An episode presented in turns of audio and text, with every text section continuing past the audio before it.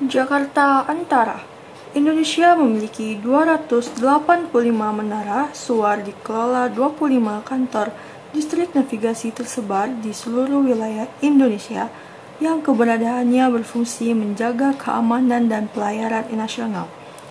Indonesia merupakan negara besar dengan puluhan ribu pulau. Sebagai poros maritim dunia, maka penyelenggaraan keamanan dan keselamatan pelayaran adalah menjadi hal yang utama, kata PLT.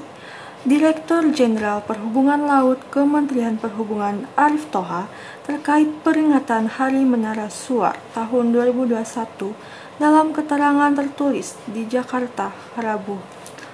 Menurutnya, dalam perwujudan keamanan dan keselamatan pelayaran yang dimaksud, Ditjen Perhubungan Laut tidak bisa bergerak sendiri.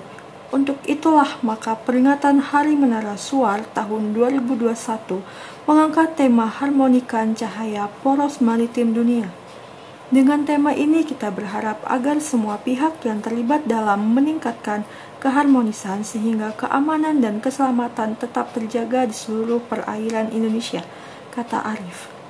Lebih jauh Ari Toha mengatakan, seirama dengan amanah yang diusung pada tema Hari Perhubungan Nasional, yaitu bergerak harmonikan Indonesia, transportasi laut sebagai bagian dari sistem transportasi nasional terus dikembangkan dalam rangka mewujudkan prinsip wawasan Nusantara untuk mempersatukan seluruh wilayah perairan Indonesia dan merupakan kegiatan yang vital dalam menyelaraskan kehidupan berbangsa dan bernegara.